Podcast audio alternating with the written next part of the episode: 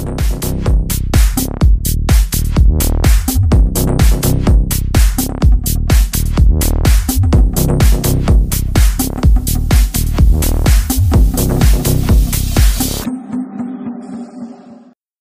lagi bersama kami di podcast yang pastinya seru abis. Di mana lagi kalau bukan di Offside Media Net bersama gue Zahran. bersama gue Rafli. Uhuhu. Oke, gimana nih Fli? Kita bahas apa nih? Ya, hari ini kita akan membahas tentang berita yang lagi rame di, di netizen Indonesia, Ya, yaitu ya, ya. tentang adanya exco PSSI oknum buat eh, SBY tidak ada prestasinya, terus tidak per- in- apa, rakyat Indonesia netizen tidak percaya proses, maunya hasil aja gitu dan segala macam dan sepertinya sudah lu, rangkum deh Ranken dan lu bisa bilang di sini. Iya, iya, iya, iya. Banyak lah pokoknya eh pernyataannya gitu ya, yang sifatnya kontroversial banget. Jadi Heeh, jatuhnya kayak nggak nonton bola gitu loh, nggak kelihatan. Apalagi yang betul, eh, kita betul. tahu gitu ya, sepak bola bukan matematika gitu kan. Salah satu yang menurut gua pribadi yang krusial banget gitu ya. Salah satu yang membuat kenapa sepak bola kita juga nggak maju ya itu. Yang penting hasil bukan proses. Nah. Apa-apaan itu? Ya, berarti emang udah tahu kan? Ah, kecenderungannya apa gitu? nah iya. Wajar aja gitu loh. Maksudnya setiap tahun misal timnas kita gitu kan ganti-ganti pelatih ya kita bingung mau main kayak gimana ya wajar kalau pelatih pelatih kita nggak nggak nggak dikasih kesempatan gitu loh buat seenggaknya ngembangin dulu ya ngemastiin dulu gitu loh nguatin dulu kalau semuanya ngeliat ke hasil gitu loh karena ya nggak ada yang instan Terus yang kedua Indonesia punya pasar luar biasa untuk judi bola. Ya udah itu udah nah lo itu udah nyambung dari yang pertama gitu.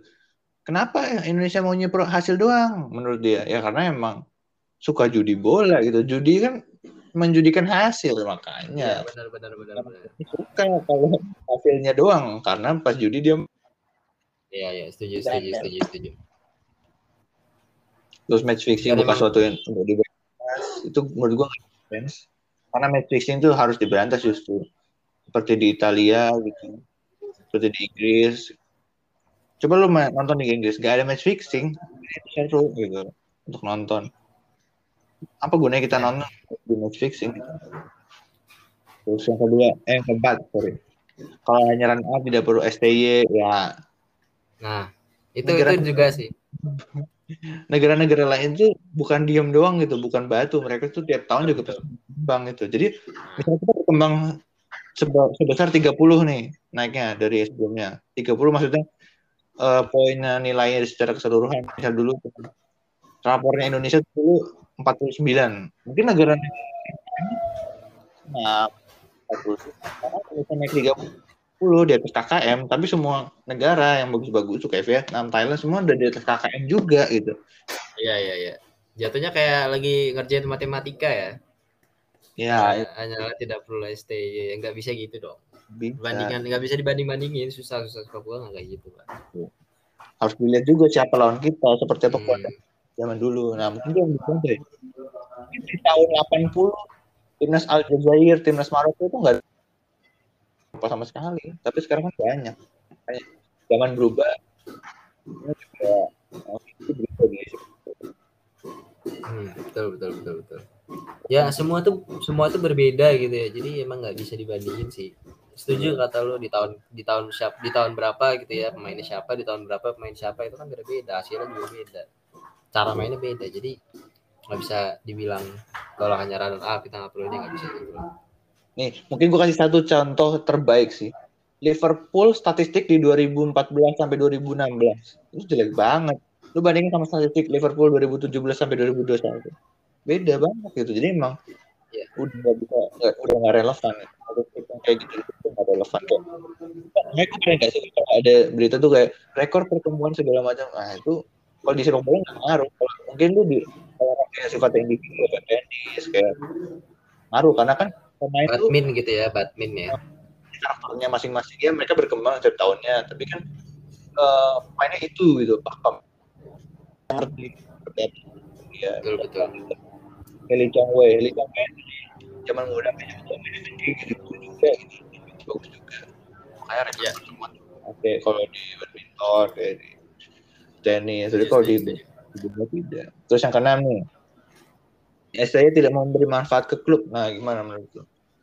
Itu juga gue nggak ngerti. Itu gue itu gue bisa bisa bisa perjelas gitu ya. Gue ingat banget yang pas eh, si beliau ini gitu ya. Beliau ini berbicara kalau timnas kita ini cenderung mainnya long ball langsung direct. Sedangkan kalau klub Indonesia main dari kaki ke kaki gitu. Ya ini yang ditonton tuh apa gitu loh.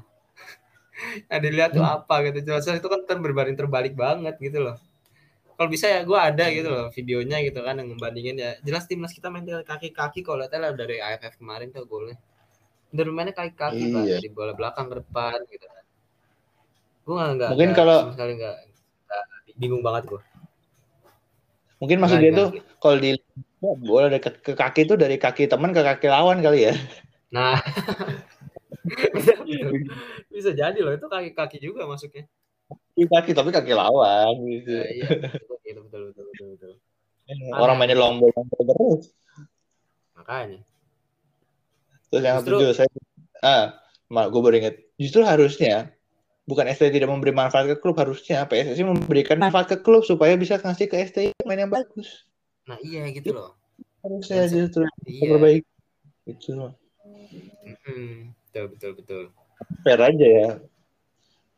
Uh, gue setuju sama pertanyaan pertanyaan Coach Justin sih. Kalau PSSI so far di liga itu jadi kayak IO doang kayak ini tanggal segini tanggal segini ya, tapi nggak ngasih peraturan yang iya iya setuju setuju. Ngasih impact kayak misalnya nih naturalisasi itu pemainnya atau pemain asing tuh cuma sedikit. Terus supaya banyak pemain muda yang baru. Dulu tuh sat- satu yang menurut gua agak bagus tuh jadi di setiap tim mulai piala presiden apa kapan gitu gue lupa harus mewajibkan ada pemain- pemain U23 berapa orang. Nah itu tuh udah mulai sebenarnya kelihatan. Akhirnya kita bisa mendapatkan pemain-pemain muda yang talented gitu. Iya. All in. Gak all in semua peraturan yang untuk menggunakan timnas kenapa nggak dilakukan? Hmm. ada pertimbangan segala macam lah pertimbangan itu mungkin gue juga nggak tahu. Iya iya. Setuju setuju setuju. Emang aneh emang aneh. Nggak ngerti gue atau yang terakhir nih saya tidak setuju naturalisasi katanya ah gimana Aduh. Eh, kalau karena kalau setahu gua gitu ya, setahu gua bahkan si klubnya ini ya, klub yang dia kebetulan punya juga gitu ya. Bisa setahu gua malah salah satu yang paling banyak pakai pemain naturalisasi loh. iya iya Itu kan agak-agak aneh juga main yang dia omong itu mak- mak- mak- maksudnya apa gitu loh. Kenapa lu ngomong gini tapi yang lu lakukan nggak nggak begini gitu. Nggak nggak nggak paham gua. mungkin ya mungkin bagi teman-teman yang eh, belum tahu juga untuk exco itu diambil dari beberapa eh, petinggi tim. Jadi ada petinggi tim Bali United ada petinggi tim itu dan ada petinggi dari Madinah seterusnya dan seterusnya. Jadi exco ini adalah orang-orang yang udah berkecimpung juga di Liga Indonesia sebenarnya. Itu mereka makanya sebenarnya kayak dibilang dari kaki ke kaki masa mereka nggak tahu sih timnya sendiri mainnya kayak gimana gitu jadi Betul, betul. Jatuhnya jatuhnya kayak eh, lu lu sama aja kayak ngasih tahu kita gitu ya secara tidak langsung kalau lu nggak pernah nonton bola Indonesia gitu loh. Gue malah lebih setuju gue lebih setuju yang jadi exco kan harusnya pemilik kan, pemilik klub kan ya udah Raffi Ahmad, Kaisang, Juragan 99 gitu, Hmm. eh gitu. Iya iya iya ya. betul betul betul. Apa ya menurut gue bahkan yang ngurusin timnas mereka deh. Karena mereka udah kelihatan niatnya gitu. Lu tahu ah, sendiri Arema ya. Setelah diambil sama Juragan 99 tuh manajemennya bagus ya menurut gue. Mereka Profesional banget ya. Training center sendiri, ada asrama juga yang dibangun baru. Jadi niat gitu. Ini orang nggak nyari duit. Orang duitnya udah banyak. Mereka tuh mau apa ya? Masuk ke dunia sepak bola itu emang untuk ngasih impact gitu sepak bola Indonesia. Bukan untuk nyari duit. Nah, mereka duit udah banyak. Makanya harusnya orang-orang kayak gini yang eh, ada di timnas kita kalau mau maju. Setuju setuju setuju. At least misalnya ah Raffi terlalu banyak iklan segala macam terlalu buat entertainment at least dia nggak nyari duit di sini gitu loh. Iya iya iya. Dia Iya masuk paham paham paham. mereka jadi sepak bola ya oke lah dibisnisin walaupun kita sebenarnya mungkin ada beberapa yang nggak demen juga dibisnisin tapi daripada gitu, daripada lu dikasih orang yang emang mata duitan nyari duit banget di bola gitu lebih mending itu. Iya, setuju, setuju, setuju. Seenggaknya mau jadi bisnis gitu ya, karena memang sepak bola sekarang kan pasti bisnis gitu ya, udah udah ada lah bisnis ya, masih tahu batasan aja lah. Karena orang-orang zaman dulu ya gue nggak nggak bilang orang zaman dulu banget sih. Yang kayak tahun 90-an tahun 2000-an itu bisnis bola di Indonesia itu adalah bisnis judi bisnis mafia gitu. Iya. tapi di sini tuh sepak bola itu lebih dari itu. Sepak bola itu bisa jadi entertainment loh. Entertainment itu jangan Hmm. salah. Lu tahu Liga Inggris tuh kan kuatnya karena entertainmentnya. Karena orang banyak yang nonton. Kenapa orang banyak nonton? Karena ada banyak pemain bagus karena mainnya bagus. Iya, iya. sponsornya juga gede-gede. Betul. Loh, kenapa nggak mikir sampai ke sana gitu? Kenapa masih mikirnya di sempit di mafia di judi? Ya kalau gue sih mikirnya kalau lu bisnis dengan cara haram ya nggak bakal berkah. Ber- berkahnya apa sih? Ya nggak bakal maju-maju. Duitnya tuh kok keras habis. Banyak aja masalah. Ya ini pendapat pribadi gue sih. Dan itu terbukti gitu. Padahal mah impact-nya juga bisa ke tadi ya yang lu bilang gitu ya, kalau memang lu sabar aja gitu loh, kayak gimana? Ya kan? Tadi yang lu bilang kalau kayak Liga Inggris itu kan ya tadi sponsor banyak apa banyak itu kan gede semua. Ya lu nggak nggak jangan cuma berpikir sempit dari sisi eh, lu pengen ngasih nyari duit cuman jadi judi doang gitu loh. Lu sabar aja seenggaknya ningkatin liga kita jadi lebih bagus gitu. Siapa tahu bisa kayak Liga Inggris beberapa tahun beberapa ratus tahun ke depan gitu loh kan. Nah tahu. kita pasarnya juga gede gitu jadi menurut gue orang Iya disuruh iya. pun juga mau gitu loh Iya, setuju setuju. Ini Republik Indonesia harus punya istilah fresh apa ya? Yang orang baru lebih fresh gitu yang nggak kolot bulan juga lebih bagus. Dan mereka niat gitu. Kan lu Liga 3 siapa sih sponsornya? Rans sama Juragan 99 gue nggak terlalu mengglorifikasi mereka dua itu ya. Cuman maksudnya gini mereka datang ke bisnis ini dan mereka rela keluarin duit gitu. Iya, betul. Terlihat gitu ya. Nah, artinya mereka serius dan jangan sampai mereka-mereka yang udah serius ini akhirnya malah ke bawah budaya yang kolot itu yang mengandalkan judi dan mafia itu aja Iya, iya, iya, iya, setuju, setuju. gitu. akhirnya apa berdampaknya kalau sepak bolanya itu sehat gitu ya kompetisinya juga banyak investor-investor baru yang bakal mau beli tim di Indonesia gitu Iya. nah, hasil bisa kayak Thailand kita oh Siapa lupa. tahu kan ya kan siapa tahu kan klub kita gitu siapa tahu ada tiba-tiba misalkan Jakarta City gitu ya kan. Jakarta City FC ya. Iya. Jadi satu grup sama City kan jadinya. mungkin nanti Manchester City belinya Persitara kan Nah, itu. Ya bener sih bisa siapa tahu gitu kan kalau misalnya emang Persitara Bisa. City kan stadionnya di iya. Betul betul betul. Jis tuh bakal dipakai sama Persija apa Persitara ya atau dulu Belum tahu dah itu kayaknya Persitara sih Fli kayaknya sih Fli kan kalau GBK kan. oh iya GBK tetap sih kalau buat yang si Iya. Yang paling ntar diproses lagi lah kalau itu. Iya. Pasti bakal banyak bahasan lagi kalau itu tuh. Kalau soal stadion gitu. Tapi gue cukup ini sih impress juga dengan Jis ya niat gitu bikinnya. Iya. Bah juga nggak cuman gedungnya doang tapi aksesnya juga. Dikasih akses pakai Transjakarta juga dari kereta MRT apa KRL gitu ya lupa. Nyampe ke sana gitu aksesnya jadi ini eh, salah satu perkembangan juga yang bagus di mana di Indonesia belum ada kayaknya ya eh, stadion yang diintegrasikan. Ya, terhubungnya dengan tiga, Bli. tiga moda itu ada Transjakarta, KRL, sama LRT. Nah, tuh. Hmm, mantap sekali gitu. Keren, Dan keren. bisa ditiru sih di, di stadion-stadion yang selanjutnya mau dibangun baru gitu. Jadi Dan akses ke arah sana juga lumayan ini sih, lumayan gampang juga sih buat yang kendarin mobil gitu ya. Soalnya kan jatuhnya sebelah tol juga, jadi pasti kelihatan itu loh. Tinggal cari apa jalan keluar yang deket aja. Nah, jadi menurut gua apa yang bisa diambil dari fenomena ini sebenarnya gua nggak mau ini orang nggak mau nyalahin siapa out siapa in gitu nggak peduli sebenarnya. Gue cuma mau supaya orang-orang yang ada di atas puncak kepengurusan PSSI itu ngelihat gitu sebenarnya ada kok lahan bisnis yang lu per- lu sama ini nggak pernah lihat gitu yang sekarang ada. Ini memang lahan bisnis baru karena memang media sosial tuh uh, apa ya ramenya kan baru-baru ini kan Iya. bukan yeah. 2010 ke bawah gitu Mhm. lalu ada bisnis entertainment bisnis uh, kalau gue pernah nonton dulu ya di Athletic Interest bahwa uh, sepak bola di Eropa tuh yang nomor satunya adalah bisnis untuk periklanan justru Hmm. sebagai ladang Iya, untuk iya. Jadi bukan nomor satunya bukan judi sebagai tempat buat ngiklan aja gitu. Memang tetap ada ya kayak bet win, bet sport, sport site, semua betting site gitu. Juga yang eh, kayak Chevrolet, LG, gitu-gitu, Hyundai.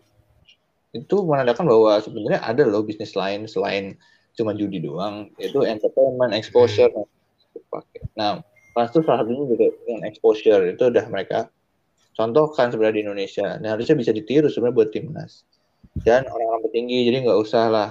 em, ya mungkin judi masih ada ya udahlah karena itu udah memang di luar negeri juga ada. Cuman jangan ngandelin itu doang gitu. Seenggaknya ngelihat kepada sesuatu yang bisa berdampak ke depan juga gitu loh. Heeh. Dan kalau emang maksudnya mungkin kalau kita mungkin terlalu naif ya kayak kita pengen yang timnas bagus segala macam. Kalau mereka masih mikir duit gitu, at least em, jangan terlalu apa ya sempit aja pikirannya. Bisnis tuh masih banyak untuk sepak bola tuh masih banyak bisnis gitu loh. Betul, cuman. Jadi dulu. Ya. Menurut gua sepak bola salah satu bisnis yang bisa sampai ke depannya. Dan bahkan yang gue lihat ya PS ya PSG tuh membuka satu eh ladang bisnis baru. Jadi menghubungkan sepak bola dengan kesehatan. Kesehatan. Jadi, nah, jadi di Qatar itu ada eh, sebuah rumah sakit, gue lupa mungkin punyanya PSG atau punyanya siapa. Itu namanya Aspetar, di mana itu Eh, so far itu dipakai sebagai medical assistant, eh, terus juga sport Iya. dan mesin gitu ya. Itu dipakai buat PSG gitu. Nah, bisa jadi nanti ke depannya ada bisnis-bisnis kayak gini, misalnya mungkin di Indonesia kayak misalnya ada Siloam, terus ada RSPI, Nah. itu bisa Mhm. untuk karena kan di endorse pemain sepak bola gitu bisa juga untuk mengendorse orang lain kan? Iya. Sesuai gitu orang atlet atlet kan apa ya berhubungan dengan kesehatan gitu Betul. kan? Kebugaran gitu ya. Iya. Luas ya emang jaringannya luas jaringannya benar-benar benar. itu loh. Bisa jadi ini Aspetar ya beberapa tahun lagi bakal dipakai sama tim-tim gede buat Iya. apa testing segala macam. Nah ini bisa ditiru nih sebenarnya. Itu salah satu dari banyaknya potensi bisnis yang belum pernah Potensinya gede. Iya, setuju setuju.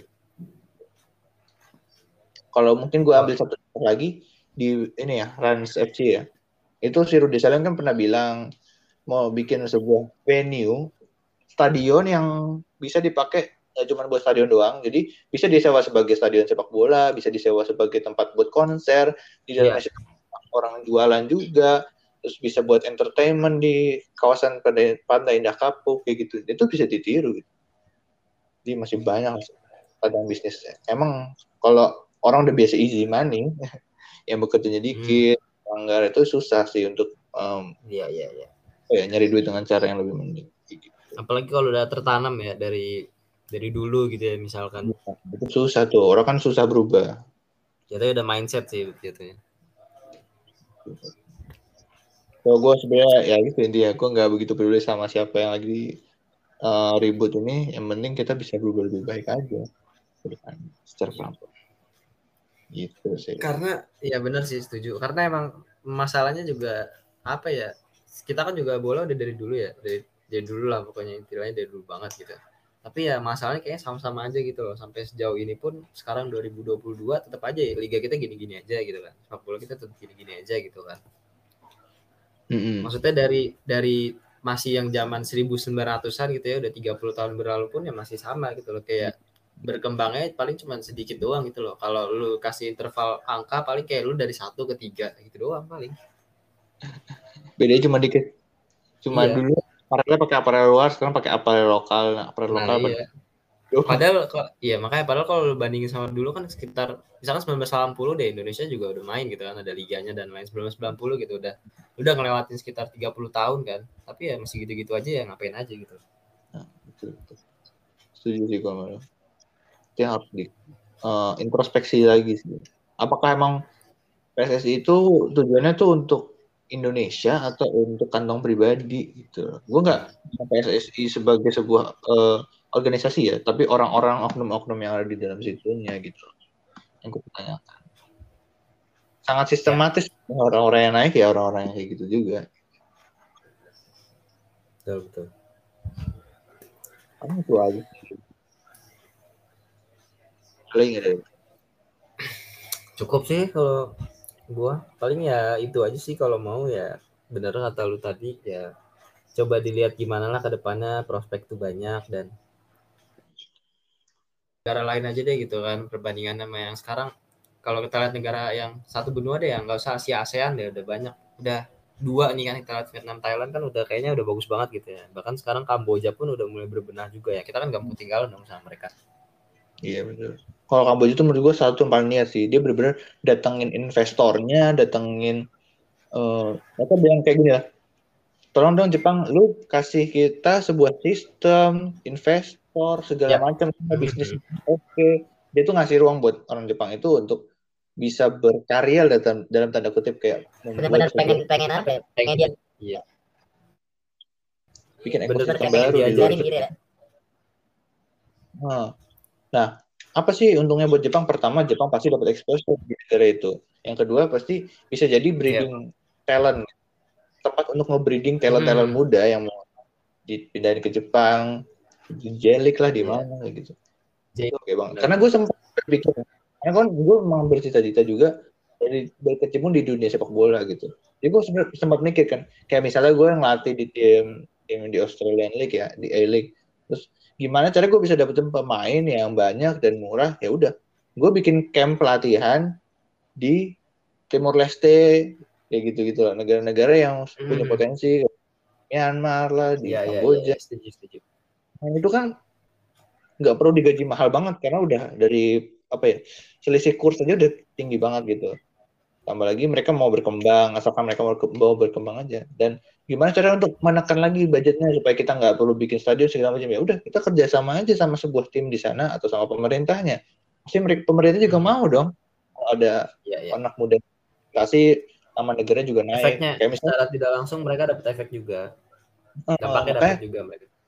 negara yang kayak gitu negara-negara ketiga itu sangat suka kalau ada orang yang terkenal dari negaranya. Contoh kayak Liberia gitu ada presidennya kan itu mantan pemain sepak bola kayak gitu.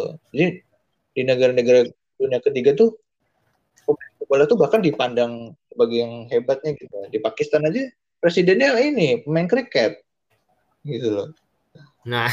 Jadi emang ya ya ya sangat oke okay, gitu. Ya. untuk buat breeding talent si ini ya. juga murah. Si siapa? George. George Weah.